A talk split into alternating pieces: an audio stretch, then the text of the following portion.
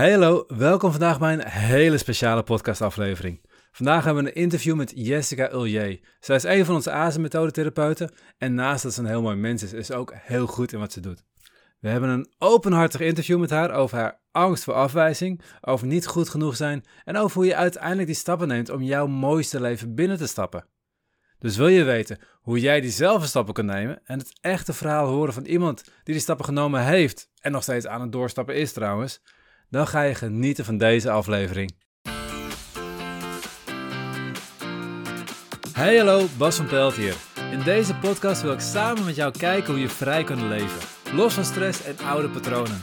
Hoe je de mooiste versie van jezelf wordt en jouw ideale leven creëert. Hi Jessica, fijn dat je bij deze podcast bij wilt zijn. Uh, dat je ook even tijd hebt hiervoor. Laten we gewoon meteen lekker van start gaan met een, een, een heerlijk onderwerp waar we diep op in kunnen duiken. Wat is vrij leven voor jou? Vrij leven voor mij? Ja, dat betekent um, eigenlijk dat ik het leven in angst van me heb afgeschud. Zonder dat ik het echt door had, leefde ik jarenlang eigenlijk in angst. Er zat een overtuiging onder dat ik niet goed genoeg was. En ik vond eigenlijk dat ik moest bewijzen dat het toch wel zo was. Dus ik zat overal heel hard mijn best op te doen. Maar altijd zat in mijn achterhoofd het idee dat, dat, uh, dat ik door de mand zou vallen, dat het niet zou lukken. Alles was spannend. Ik was bang dat mensen me niet leuk vonden.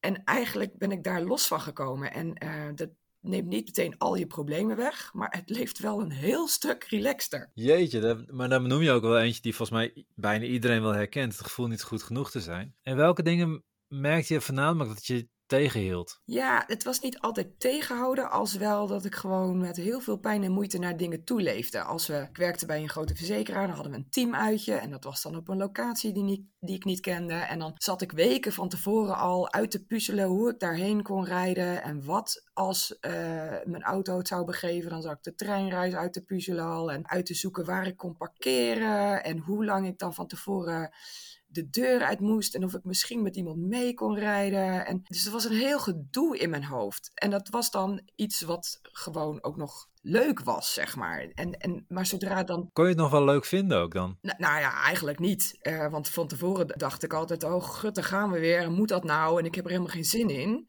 En dan was ik er één keer en dan was het eigenlijk altijd wel heel erg leuk. Maar ik was wel altijd kapot aan het eind van de dag. Ja, ik kan me voorstellen. Als je zo'n spanning opbouw van tevoren hebt. Ja. Dat is ook zo'n standaard dingetje. Hè? Dat, dat, dat herken je waarschijnlijk ook bij je cliënten. Verschillende soorten spanning. Je hebt de spanning van het moment zelf. En dan zijn mannen heel, mensen heel gespannen en daarna is het weer weg. Maar je hebt ook een spanning die langzaam opbouwt en opbouwt en opbouwt en opbouwt. En eigenlijk, ja, je merkt wel dat je wat spanning hebt. En soms niet eens meer omdat je zo in, in, in de patroon zit.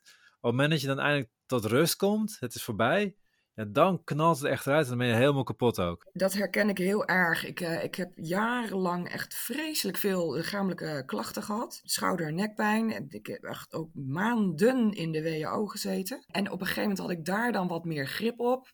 Dacht ik. Maar ik heb ook een hele poos gehad dat ik in het weekend knallende hoofdpijn had het, de hele week ging het goed. En dan, dan had ik vrij. En dan, uh, hè, dan was het tijd om leuke dingen met het gezin te doen. Of iets voor jezelf te doen. En had ik gewoon het hele weekend vreselijke hoofdpijn. Dus het was echt wel... Uh, ja, dan denk je, hoe kan dat? Maar nou, dat is inderdaad precies wat jij zegt. Dan kom je tot ontspanning en dan, dan knalt hij er doorheen. Herken je achteraf je eigen patroon daar ook weer in? Van dat niet goed oh, ja, voelen? Zeker, ja. zeker ja. Heb je een idee waar het vandaan kwam, dat patroon? Ja, dat, mijn ouders hebben, hebben, hoe zeg je dat? Jeetjes. Ik denk dat mijn moeder hetzelfde patroon heeft. Dat ze, dat ze het allemaal heel spannend vindt en dat ze zichzelf eigenlijk niet goed genoeg vindt. Niet dat we het daar ooit over gehad hebben, maar dat denk ik. Ik denk dat het met name begonnen is tijdens mijn middelbare schooljeugd. Want nou, mijn vader was heel trots dat ik goed kon leren. Hmm. En daar heb ik echt zo fanatiek mijn best op gedaan ik had eindexamen gedaan en dan zit je te wachten tot de uitslag. Hè? En dan, ik was zo zenuwachtig dat ik niet geslaagd zou zijn. En ik heb gewoon geen enkel cijfer op mijn eindlijst onder de zeven. Jeetje. Kun je nagaan. Er zit wel heel veel spanning ja, op, hè? heel veel, ja. Maar dat is ook bizar ook, want dit is eigenlijk, je ouders die trots op je zijn, is iets heel positiefs. Zeker. Dus inderdaad, op het moment dat ze trots zijn, op het moment dat je hoge cijfers haalt, op een gegeven moment, en zelfs als je ouders niet alleen trots zijn, maar als je gewoon leuke reacties krijgt van, van, van je medeleerlingen op het moment dat, dat jij hoge cijfers haalt, En dan kan je op een gegeven moment zo'n patroontje opbouwen van, oh wacht even, als ik hoge cijfers krijg, krijg ik meer aandacht, krijg ik meer liefde. Dus ik moet wel zorgen dat ik nog hogere cijfers haal, nog hogere cijfers haal. En dus heb je een eindlijst waar je alleen maar zevens en hoger hebt. Ja. En je zat te stressen of je wel, wel, wel zou examens halen of niet. Ja, op het VWO notabene. Dus, dus, ja. en het, het malle is, mijn moeder zei altijd, meid, het maakt allemaal helemaal geen bal uit als je maar gelukkig bent. En op de een of andere manier kon ik gewoon niet gelukkig zijn. En dat, dat is dus, ik weet niet waar dat gestart is. Ik ben echt heel erg depressief geweest. En het grappige is dat je met zo'n eindlijst denkt applaus te scoren. Maar er waren natuurlijk ook heel veel mensen die dachten: jemig, wat ben jij een uitslover zeg. Ja. Ja, dus en dan, nou, ik ga niet naast haar zitten, want dan val ik tegen, zeg maar. Dus dat wat ik wilde bereiken, dat bereikte ik dan uiteindelijk weer helemaal niet. Heel mal is dat. Dat is ook wel grappig. Wat, wat wilde je, nou, onbewust waarschijnlijk, maar wat wilde je onbewust bereiken? Nou, voor mezelf bewijzen dat ik goed genoeg was. En blijkbaar hing ik heel veel eigenwaarde aan die cijfers uh, op. En dan ga je erg focussen op opleiding. Ja. En dan wil je juist zoveel mogelijk opleiding hebben om maar... Ja. het grappige is van een diploma. Een diplo eh, opleiding ben ik, ik, nou ja, laat ik het anders zeggen. Leren ben ik groot voorstander van. Ik ben elke dag ben ik weer bezig. Dat is de reden dat ik zelf deze podcast opneem ook.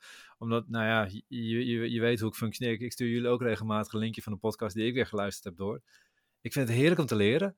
Maar een diploma is gewoon dat je iemand anders de toestemming geeft om te bepalen of jij goed genoeg bent. Ja, ja daar zit wat in. Ja, en bij mij, in mijn geval was het dus ook mijzelf. En jij bent pas goed genoeg als je dat papiertje hebt. Ja, en zelfs dan vind ik heel vaak nog, vond ik heel vaak nog dat ik niet goed genoeg uh, was. Dat vind ik mooi dat je het zegt, dat vond ik.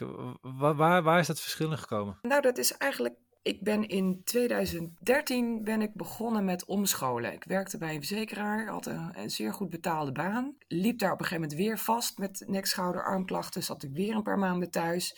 En toen liep ik tegen een opleiding sportmassage aan.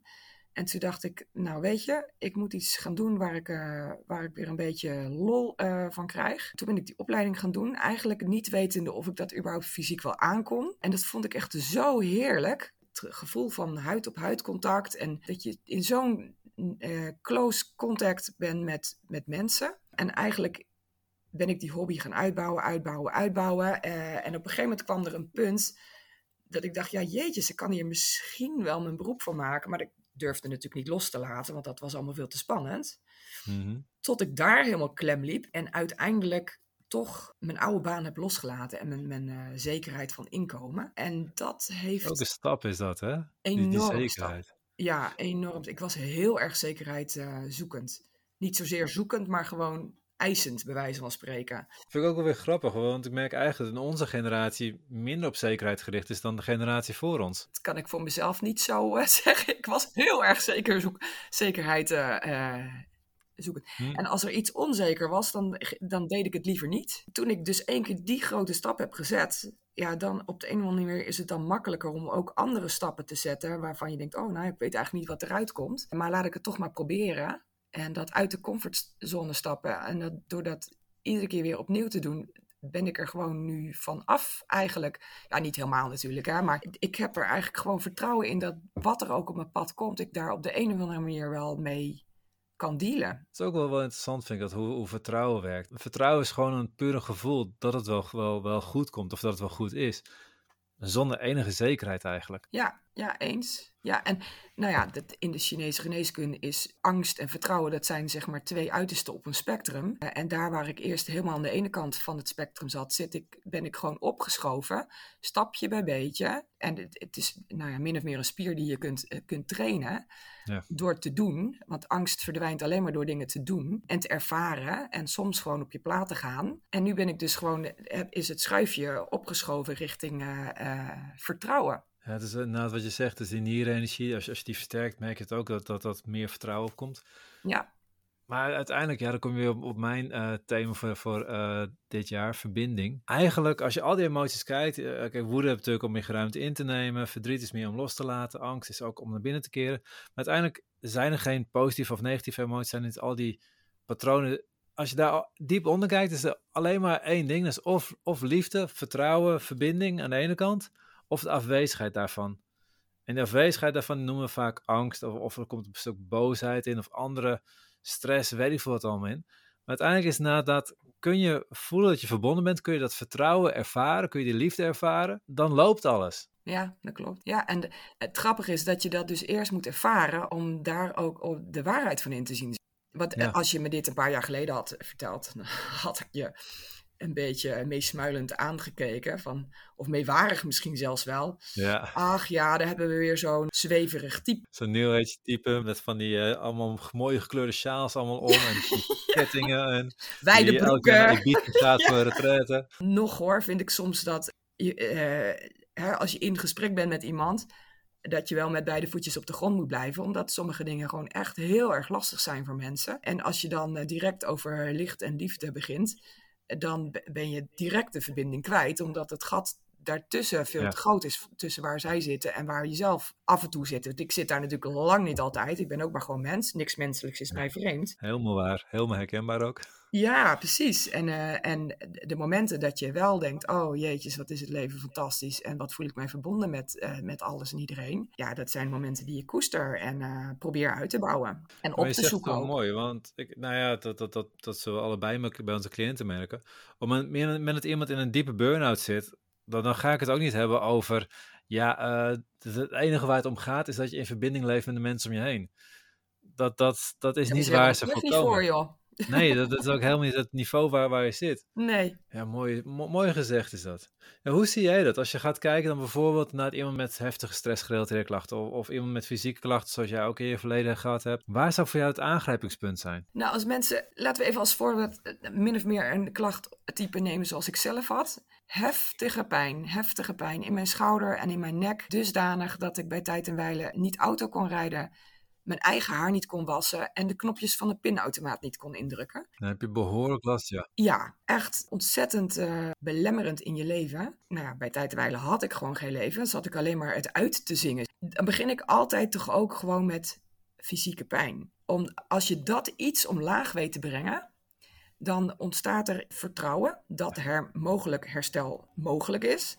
Er versta, uh, ontstaat een vertrouwensband tussen jou en je klant, waardoor je ruimte krijgt als mensen zover zijn om over andere dingen te gaan praten. En mij werd vroeger ook heel vaak gezegd: Ach, meid, het zit tussen je oren. Want er was fysiek gewoon niks. Oh, heerlijk. Ja, heerlijk. Nou, daar werd ik woest om woest. Ja, het klopt wel, want het pijncentrum van je hersenen zit inderdaad ongeveer tussen je oren ergens. Dus ja, dat, dat is waar, wel waar je de pijn registreert. Maar je hebt helemaal niks aan die opmerking. Nee, helemaal niks. Nee, dit was, ik werd niet erkend in wat ik ervaarde. Ondanks dat ik jaren later erachter ben gekomen dat het, dat wat tussen mijn oren aan gedachten speelt, dat dat zeer veel invloed erop heeft wil niet zeggen dat die pijn er niet is. Dus dat is altijd mijn, dan mijn eerste ingangspunt. En vervolgens, als je durft te voelen dat pijn ook maar gewoon pijn is. En dat pijn die je nu hebt niet betekent dat je dat hebt tot je doodgaat. Ja. Dan ontstaat er een stukje vertrouwen. En dan kun je hopelijk een laagje dieper gaan van wat, wat speelt er dan uh, emotioneel in je leven waar je zo'n last van hebt. Want als, als men eh, bij de eerste de beste therapie, fysiotherapie of uh, wat voor therapie dan ook, begonnen was over, ja, dat komt omdat je jezelf niet goed genoeg vindt. Nou, dan had ik ze ten eerste voor gek verklaard. En ten tweede was bij mij direct de deur dicht gegaan. Ja, waarschijnlijk boos weggelopen ook. Ja, waar heb je het over, had ik gedacht. Ja, wat ik wel gaaf vind aan jouw verhaal is hoe je het zegt, is je, je, je pas je heel erg aan, aan aan de cliënt. Je gaat heel erg kijken, oké, waar loop je tegenaan? Waar zit hij? Wat, wat is het, waar is hij het meest mee bezig? Maar stiekem hoor ik, hoor ik je, nou, ik heb je volgens mij wel tien keer het woord vertrouwen uh, horen noemen. Ja. Dat inderdaad, op het moment dat die pijn iets minder wordt, begint er vertrouwen te komen naar de toekomst. Op het moment dat je iets kan betekenen voor die cliënt, op het moment dat je alleen al die cliënt gewoon kan bevestigen van, hé, hey, ik hoor dat je heel veel pijn hebt. Ik merk aan je dat je heel veel fysieke klachten hebt.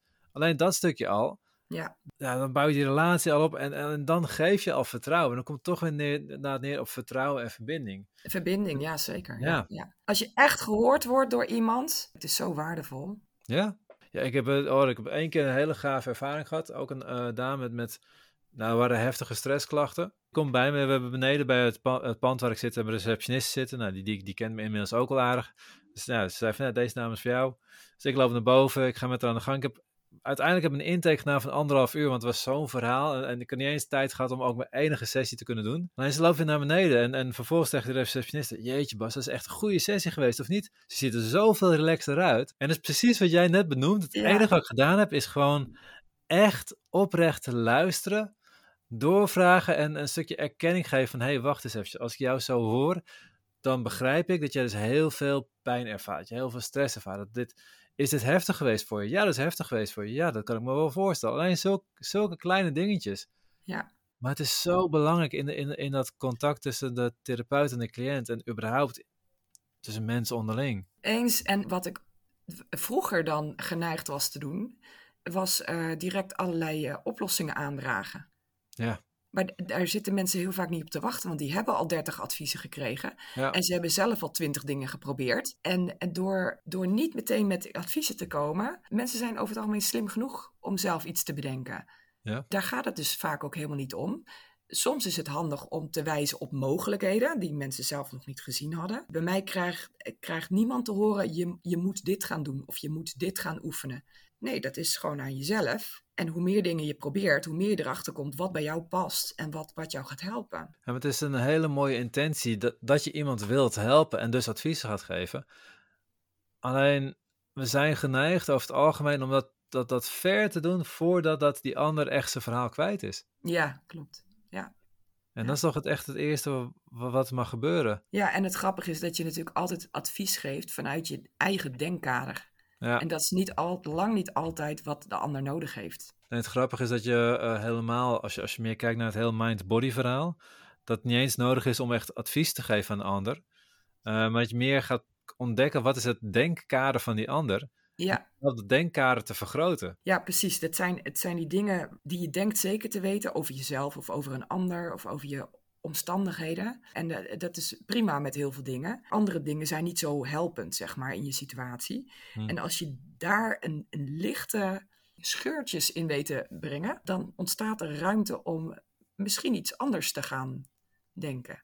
Ja. Uh, of, of in ieder geval uh, de bandbreedte waarin je denkt iets te verruimen. En het grappige is dat dat dan heel vaak verrassend genoeg bij de persoon zelf ruimte geeft om, uh, om een andere keuze te maken. Ja, en dat is het, want het advies hebben ze al duizend keer gehoord. Alleen ze hebben het nog nooit Ja. kunnen doen, omdat ze zo vast zaten in bepaalde fysieke patronen, pijnpatronen of, of Ja. emotionele of, of mentale patronen. Ja, of totaal gebrek aan energie, dat kom ik ook vaak tegen. Van Ja. ja. ze weten wel dat ze dit of dat moeten gaan doen, maar het ontbreekt ze gewoon compleet aan energie. Ja, Nou ja, succes. Dan kan je beter eerst even proberen een buffertje aan energie op te bouwen. Dan ontstaat er eh, daarna hopelijk ruimte om andere keuzes te gaan maken. en dat is het. En dat vind ik ook zo überhaupt iets interessants hoor. Ehm, wanneer heb je energie? Het grappige is, op het moment dat je een, ineens inspiratie krijgt voor een geweldig idee, of als, als voor, voor, voor sommige vrouwen George Clooney ineens voor ze staat en zegt van, hey, heb je zin om met mij een heel leuk avondje te hebben? Dan hebben ze ineens energie. Ja, ja het is. Ik heb ooit tijdens een training gehoord: is the- future you're living into. Als je weet dat je vrijdag op vakantie gaat, dan kom je heel prima deze week door, weet je wel? Ja, Want eh, er staat wat leuks eh, te wachten. Maar als je weet dat je vrijdag, nou ja, de gevangenis in moet, bij wijze van spreken, oh ja. dan dat, dat leeft heel anders. En je maakt andere beslissingen. Dus als je het idee hebt dat jouw toekomst er somber uitziet, omdat je nooit van deze pijn gaat afkomen, dat, dat is vrij deprimerend. Terwijl Ja. als je denkt, oh, nou, misschien is er wel ruimte dat er toch verbetering gaat komen, geeft gewoon een hele andere ervaring. En dus ook een heel ander energieniveau. Ja, je benoemt het heel mooi. Ja, mooi voorbeeld trouw- trouwens ook. Ik ga hem even gebruiken voor mijn eigen cliënten ook trouwens. is goed hoor. Maar dit is wat het is. Op het moment dat je negatief voelt, stress ervaart, ja, en negatief, noem ze maar even negatieve emoties voor het gemak. Ze zijn gewoon emoties. Maar de wat zwaardere emoties zit, dan je maakt onder andere cortisol aan. Cortisol is een, is een hormoon, eh, een stresshormoon, wat de werking heeft op cellen, dat cellen gewoon allemaal minder goed gaan functioneren. Simpel gezegd, normaal als, als cellen bezig zijn, dan, dan, dan functioneren ze op 100%. En als afval gooi je ze ook meteen eruit op het moment dat het stresshormoon, de cortisol, door je bloed heen gaat, dan gaan je cellen minder goed functioneren. Die gaan afval vasthouden, die gaan eh, een lager niveau functioneren. Dus je hebt ook gewoon, elke cel heeft ook gewoon minder energie. Ja, dus als, als die, die, ik geloof, meer dan een miljard cellen in je lichaam zitten, allemaal op 60% zitten, dan heb je gewoon veel minder energie voor alles. Als je daarentegen hoop voelt, dankbaarheid voelt, liefde voelt, dan zit je meer in oxytocine, het knuffelhormoon wordt ook al genoemd, of het gelukshormoon. Op het moment dat je die door je lichaam heen gaat, die door je bloed heen gaat en bij je cellen terechtkomt, gaan die cellen meteen meer functioneren, 100% functioneren. Dan voel je gewoon direct meer energie. En dat kan je door je houding te veranderen, door, door, door meditatie te doen, door gedachten te veranderen. Soms heb je nodig dat eventjes de juiste mensen om je heen krijgt. Want als je steeds bevestigd wordt in je oude patroon, ja, dat helpt ook niet echt natuurlijk. Ja, zeker, zeker. Dat is ook te denken wat je net zei. Sommige mensen zitten soms, soms wat je aangaf van je eigen voorbeeld, ook soms zit vast een bepaald gedachtepatroon, bepaald denkbeeld van, van hoe het allemaal, allemaal aan elkaar zit, een bepaald pijnpatroon misschien zelfs wel. Wat is er nodig om iemand te helpen in beweging te komen daarvan uit? Ja, dat is per persoon natuurlijk anders. Ik zit even aan specifieke voorbeelden te denken. Dus ik heb, nou ja, dat komt vaker voor bij mannen misschien dan bij vrouwen. Maar er zijn mensen die hebben het echt nodig om te bewegen. Dat zijn wel die sporters, zeg maar. En die krijgen op een gegeven moment een blessure en zitten daardoor noodgedwongen uh, niet te bewegen. En dan gaat het downhill. En dan zitten ze twee jaar later, uh, nou ja, zijn ze boos uh, of ze hebben een depressie of ja. de relatie loopt stuk of weet ik veel wat. Eigenlijk alleen maar omdat ze die emotie die in dat lijf zit niet in beweging kunnen krijgen. Ja, letterlijk in beweging krijgen van die emotie. Letterlijk, ja, letterlijk. Want nou ja, met sporten kun je natuurlijk, hè, beweeg je gewoon je, al je energie. Nou, daar kan acupunctuur natuurlijk fantastisch bij helpen. En soms is het dan mogelijk om ruimte in het hoofd te creëren, dat er misschien een andere vorm van bewegen mogelijk is. Mm Dus dat, dat is één voorbeeld. En dan heb je natuurlijk de mensen die uh, bij wijze van spreken een eetverslaving hebben. Ofwel dat ze helemaal niet willen eten uh, en, en dat ze eigenlijk veel te mager zijn. Ofwel de mensen die gewoon niet op kunnen houden met eten. En daar zit vaak dan weer een heel stuk emotie achter. Hoe krijg je die in beweging? Ja, eigenlijk alleen maar door ze die emotie te laten toestaan. En dat is natuurlijk niet altijd makkelijk. En dat ligt er inderdaad ook aan in welke omgeving ze zitten. Soms is het goed als, als het jonge mensen zijn uh, jongvolwassenen, zeg maar, dat ze op zichzelf gaan wonen. En dat zegt niet per se wat over de ouders, maar meer over de combinatie van uh, de personen en de relatie die daartussen is. En dan is er te weinig ruimte, of ze ervaren te weinig ruimte, om dan zichzelf te zijn. Ja. En als je dan op jezelf gaat wonen, hè, en dan moet het praktisch gezien natuurlijk ook maar mogelijk zijn, hè, maar dat kan, enorme, dat kan een enorme boost geven daarin. En soms is het ook een andere vriendenkring proberen op te zoeken of een andere sociale context. context. Die kan ook behoorlijk van invloed zijn, ja. Daar heb ik ook ja, zeker. films over opgenomen, inderdaad, ja. Ja. En als ik je zo hoor, is eigenlijk komt erop neer dat, ja, wat in de acupunctuur ook allebei geleerd hebben, stagnatie van energie is ziekte, dat is dood, beweging van energie is leven. Ja. Dus energie moet bewegen, maar dat begint, als ik jou zo hoor, begint eerst met het idee dat de bewegelijkheid mogelijk, mogelijk is. Ja, ja als je dat niet gelooft, dan, dan, uh, ja, dan uh, wordt het heel lastig. Ja, dan wordt het toch weer zweverig, hè? Als je maar gelooft dat je beter wordt, dan kun je beter worden. Nou, ik zie dat anders. Ik, heb het, ik zeg altijd als mensen komen hè, uh, en, en ze, nou, ze weten het allemaal nog niet zo. Nou, ga het dan maar even ervaren. Mm -hmm. en, en dan is het ook een kwestie van, durf ik jou te vertrouwen? Ja, nou, dan kunnen we zeker dingen bereiken. Maar als ik zover niet ben als kla klant of als cliënt, zeg maar, dan ja, dan moet je misschien eerst even verder zoeken. Ja. Je zoekt toch altijd naar een bepaalde connectie. En dat is een essentieel stuk inderdaad. Ook ja, op het vertrouwen. Absoluut. Kom je toch weer op vertrouwen inderdaad uit. Ja, verbinding. Maar ja. Het, het moet er zijn. Je moet, ik moet bij, zelf ook als ik een therapeut ben, dan moet ik echt het gevoel hebben dat ik mijn hele verhaal bij die persoon kwijt kan ook. En dat ik het ook ja. Uh, gehoord voel, gezien voel. Hoeft niet te betekenen dat je er altijd meteen dat hele verhaal doet. Uh, maar je moet wel het idee hebben van, nou, ja, misschien dat ik daar op termijn wel wat tegen durf te zeggen. Dat, dat kan ook al een prachtig begin zijn. Ja, het is net van hoe diep je komt. En, en elk, ja. elk stapje moet je ne nemen voordat je het volgende stapje neemt. Ja. ja. Wat je zegt, dat is het wel. Je moet echt het gevoel hebben, ik, dat er moet ruimte zijn voor die emotie. En als ik niet het gevoel heb dat ik gehoord word, of niet het gevoel heb dat ik gezien word, dan durf ik ook niet die diepe lagen ja, waar je eigenlijk naartoe wil om, om, om, om het los te kunnen krijgen, dan durf ik ja. het ook niet te laten zien. Dus ik denk dat je daar echt de essentie wat te pakken hebt. Een leraar van me zei het wel heel mooi. Die zegt, ja Bas, het enige wat je hoeft te doen als je cliënten wilt helpen, en natuurlijk moet je veel meer doen dan dat, want je hebt nog al meer technieken, je hele gereedschapskist, maar het belangrijkste is dat je kunt houden van je cliënten. Ja.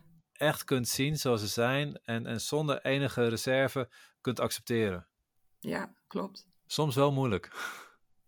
Ja, en ook je verwachtingen daarin. Ik was vroeger echt zo'n helper. Oh ja. Die, die persoon moest en zou door mijn hulp beter worden, of in ieder geval uh, veranderen. Of, uh, maar daar gaat het helemaal niet om.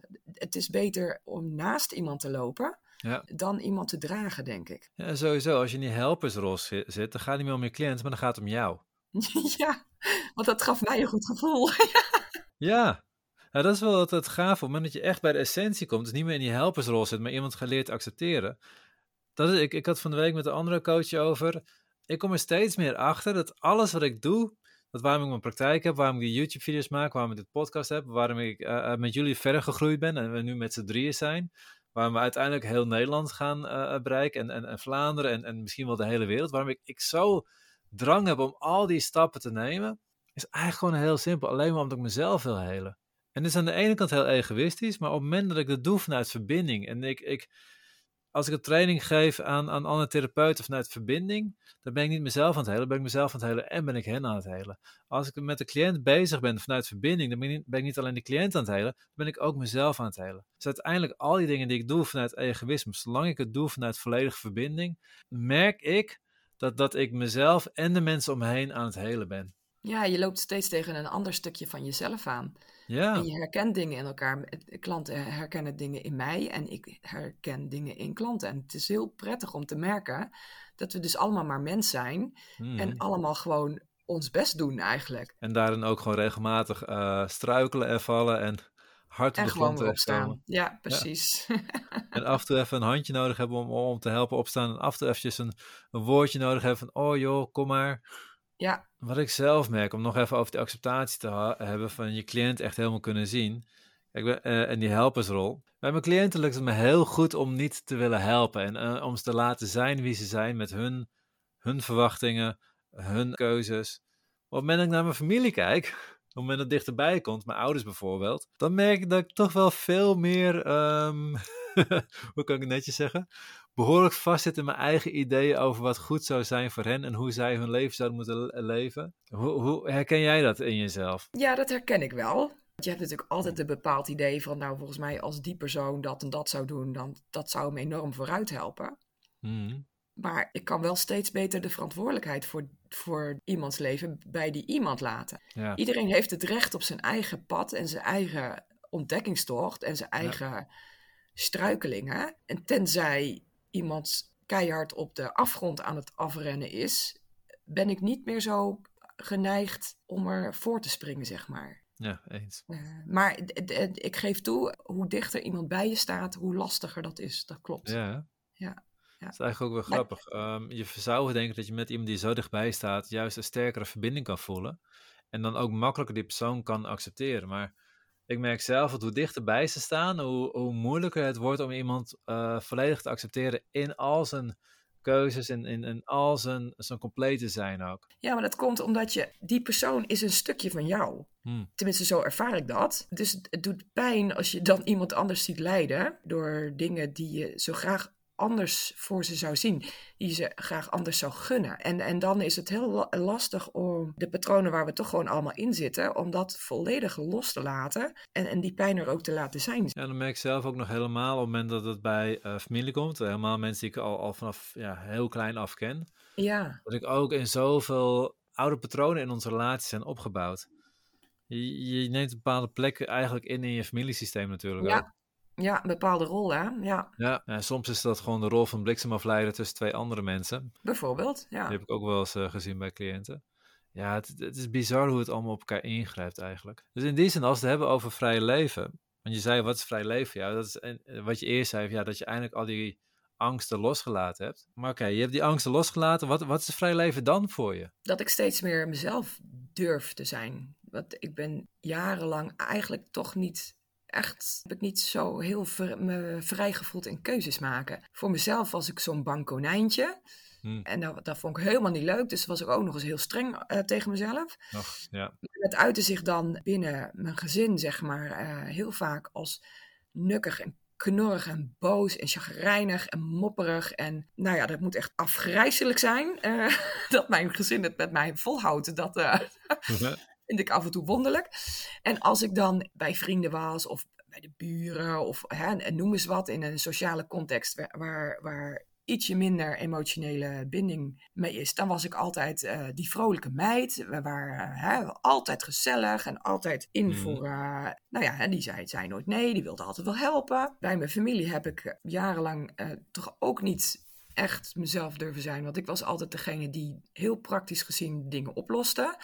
Ja. die, die dingen initieerde. Van wanneer zullen we elkaar zien? zullen we koffie drinken dan en dan? En vervolgens heb ik flinke ruzie gehad. toen ben ik echt mijn rol daar gaan herzien. Van wat, wat wil ik dan eigenlijk en wat verwacht ik van die ander? Want ik verwachtte ook heel veel van anderen. En wat, wat ben ik zelf bereid te geven? En inmiddels is de relatie, omdat ik zelf veranderd ben, is veel, in mijn beleving, veel vrijer geworden van, van mij uit met als gevolg dat als ik zeg, kan ik daar en daarbij helpen, dat ik dat echt uit vrije wil doe en uit alle liefde en het helemaal prima vind om die tijd daarin te steken. En als mensen dan nee zeggen, dan ben ik niet direct ja zeg, hallo en uh, wie zijn zij om mijn hulp dan weer af te wijzen.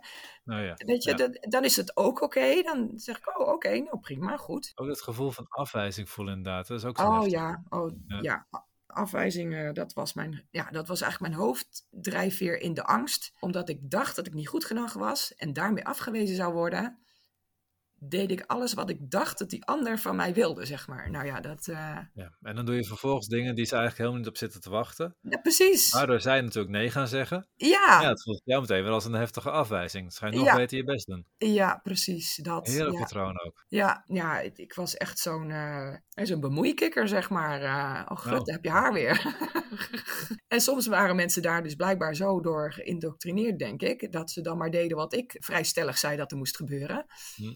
Nou, dat kan, ook, dat kan ook echt niet prettig geweest zijn voor die mensen. Nee, het is wel fijn dat je nu een hele andere Jessica bent geworden in tussentijd. Ja, niet heel erg anders. Hè? En ik moet natuurlijk ook af en toe ook nog oppassen dat ik niet per ongeluk toch weer iets zeg op de oude manier die uh, verkeerd overkomt. Omdat natuurlijk, ik kan wel veranderen, maar ik, doe, ik, ben natuurlijk, ik zie er hetzelfde uit en ik zeg dezelfde dingen. Uh, alleen mijn eigen gevoel is er anders bij. Dat wil niet zeggen dat, dat de woorden die ik zeg ook altijd dan anders gehoord worden door de, door de anderen.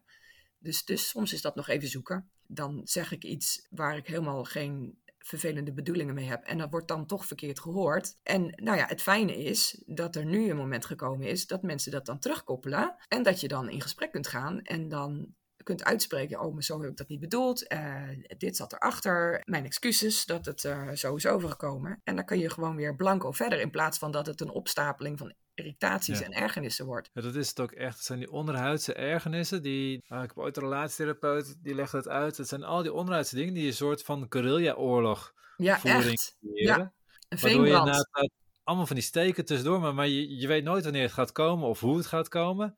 Terwijl als je gewoon een open oorlog hebt, echt heel ouderwets, je hebt gewoon twee partijen tegenover elkaar, cavalerie aan de ene kant, infanterie aan de andere kant, gewoon op elkaar afrennen en hoppakee, het is opgelost dat is veel gezonder voor, voor, voor, voor je relatie, maar ook voor je vriendschappen, voor je familie.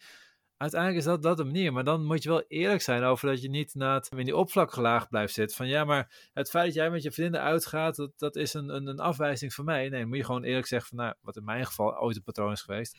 Het feit dat jij uitgaat met je vrienden, doet mij denken aan een oud patroon waar ik ooit aangeleerd heb van, van uh, niet gezien worden en, en andere reacties. En daar voel ik me naar over. Ja, maar dat vereist wel heel eerlijk naar jezelf kijken ook, hè? Ja, dan heb je dus ook iemand nodig die je ook de ruimte daarvoor geeft en ook, ook je helpt om te kijken van, hé, hey, maar wacht eens eventjes. Vertel eens even, wat voel je nou echt? Wat voel je nog meer? En wat voel je nog meer? Zodat je ook bij de laag kan komen ook. Ja, en zeker zo, hè, wat, je, wat je zegt, zo'n guerrilla-oorlog. Het, het, het, is ook heel vaak dan, dat hoor ik ook heel vaak bij klanten. En dan zegt ze ja, en mijn zus zei dit en daar bedoelde ze dat mee. Oh ja. Nou, dan het eerste wat ik doe is meteen die bedoeling in twijfel trekken. Kan het niet zijn dat ze misschien dit bedoeld heeft? Kan het niet zijn dat ze, nee, dat kan ze echt niet zo bedoeld hebben. Maar dan hoop ik toch dat er een scheurtje komt in het zeker weten wat er bedoeld is, zeg maar. Ik vind het zo mooi. Ik merk bij mijn cliënten die op een gegeven moment gaan merken welke patronen ze allemaal zelf hebben. Dat ze ineens niet alleen bewust worden van, hé, hey, ik reageer vanuit het oude patroon, maar ik heb ook meerdere patronen. En vervolgens worden ze ook bewust van, wacht even, de mensen om me heen, die hebben ook allemaal Ook patronen. patronen, ja. Dus als iemand boos op mij reageert, kan het ook heel goed zijn dat daar nog een heel stuk anders achter zit, wat helemaal niet met mij te maken heeft. Ja, exact. En dat geeft ook alweer een stuk ruimte. Ja, enorm. Ik vind het mooi om dit, dit interview even met jou gehad te hebben zo. Ehm, ik wil eindigen met drie vragen en ik heb je bewust niet op voorbereid. Oh jee. Om even te kijken wat dat voor jou is. Dus eigenlijk, het, gaat om de drie waarheden. Ik heb deze van Lewis Hoos gekopieerd. Hij stelt die vraag altijd aan zijn interviewees. En ik vind het een hele mooie vraag. Vertel. Dus stel je voor dat jij eh, drie waarheden moet achterlaten op de wereld. Jij, jij gaat binnenkort van de wereld af, als ik iets meer context geef. Ik hoop dat het niet zo is natuurlijk. maar je zou op een gegeven moment, laat zeggen dat je een lang leven geleid hebt, een gelukkig leven geleid hebt. En jij gaat de wereld verlaten. En alles wat je tot die tijd geproduceerd hebt, alle boeken die je eventueel nog gaat schrijven, alle blogs die je geschreven hebt, alle artikelen verzint, maar alles wat je, al je uiting, al je content verdwijnt.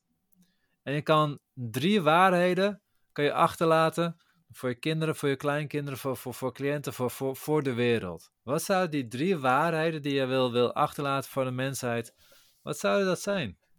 Nou, ik geloof heel erg in magie. Hoe bedoel je die? Ja, zowel letterlijk als figuurlijk. Ik ben dol op sprookjes, verhalen waar draken in voorkomen. Ehm, eigenlijk de dingen waarvan we denken dat, dat ze niet kunnen, Mhm. die vind ik echt fantastisch. Omdat ik denk dat er zoveel meer is eh, dan we denken te weten. Ik geloof enorm in liefde. En liefde is niet altijd zoetsappig. Dus Liefde is ook wel eens gewoon eh, streng, doch rechtvaardig, of weet ik wel. Dus, dus, daar Ja. zitten verschillende kanten aan. En de laatste, jeetjes. Ik, ik zou communicatie willen zeggen, maar dan wel in verbinding. Dus, dus dat je hoort wat die ander zegt en dat je zegt wat je bedoelt. En niet Ja. te vaag omheen wauwelen, zeg maar. Want communicatie wordt het, hè, een krant is ook een communicatie, maar dat is dan een eenrichtingsverkeer. Ehm, ik bedoel echt communicatie tussen twee personen. Ik vind het heel mooi wat je zegt. Inderdaad, die ander echt zien, echt luisteren. En tegelijkertijd ook, op het moment dat je zelf praat, zeggen wat je echt, echt, echt denkt, echt voelt. Je, Ja. je, ja, je eigen waarheid communiceren. Ja, en dat lijkt makkelijk, maar dat is soms lastig. Ja, nou, ik denk dat dat de les is die we aan het eind van het leven misschien een beetje geleerd hebben. En de volgende leven weer, weer verder mee mogen. ja, zoiets. Maar ik vind ze mooie. Ik we gaan ze doorgeven aan de mensen die na ons komen. Magie, liefde en communicatie. Ja, Dankjewel. Dank je voor je tijd, Jessica. graag gedaan. Leuk. Dit was de podcast voor deze week. Ik ben heel benieuwd wat je van deze podcast vond. Geef in je app even een duimpje omhoog en laat een review achter. En als je een Android-telefoon hebt, dan hebben de meeste apps geen review-mogelijkheid. Ga dan naar de link in de beschrijving bij de podcast en laat daar een review achter. Ik vind het super als je dat doet, want je helpt ons enorm op die manier om meer mensen te bereiken. Tot de volgende keer en op jouw vrije leven.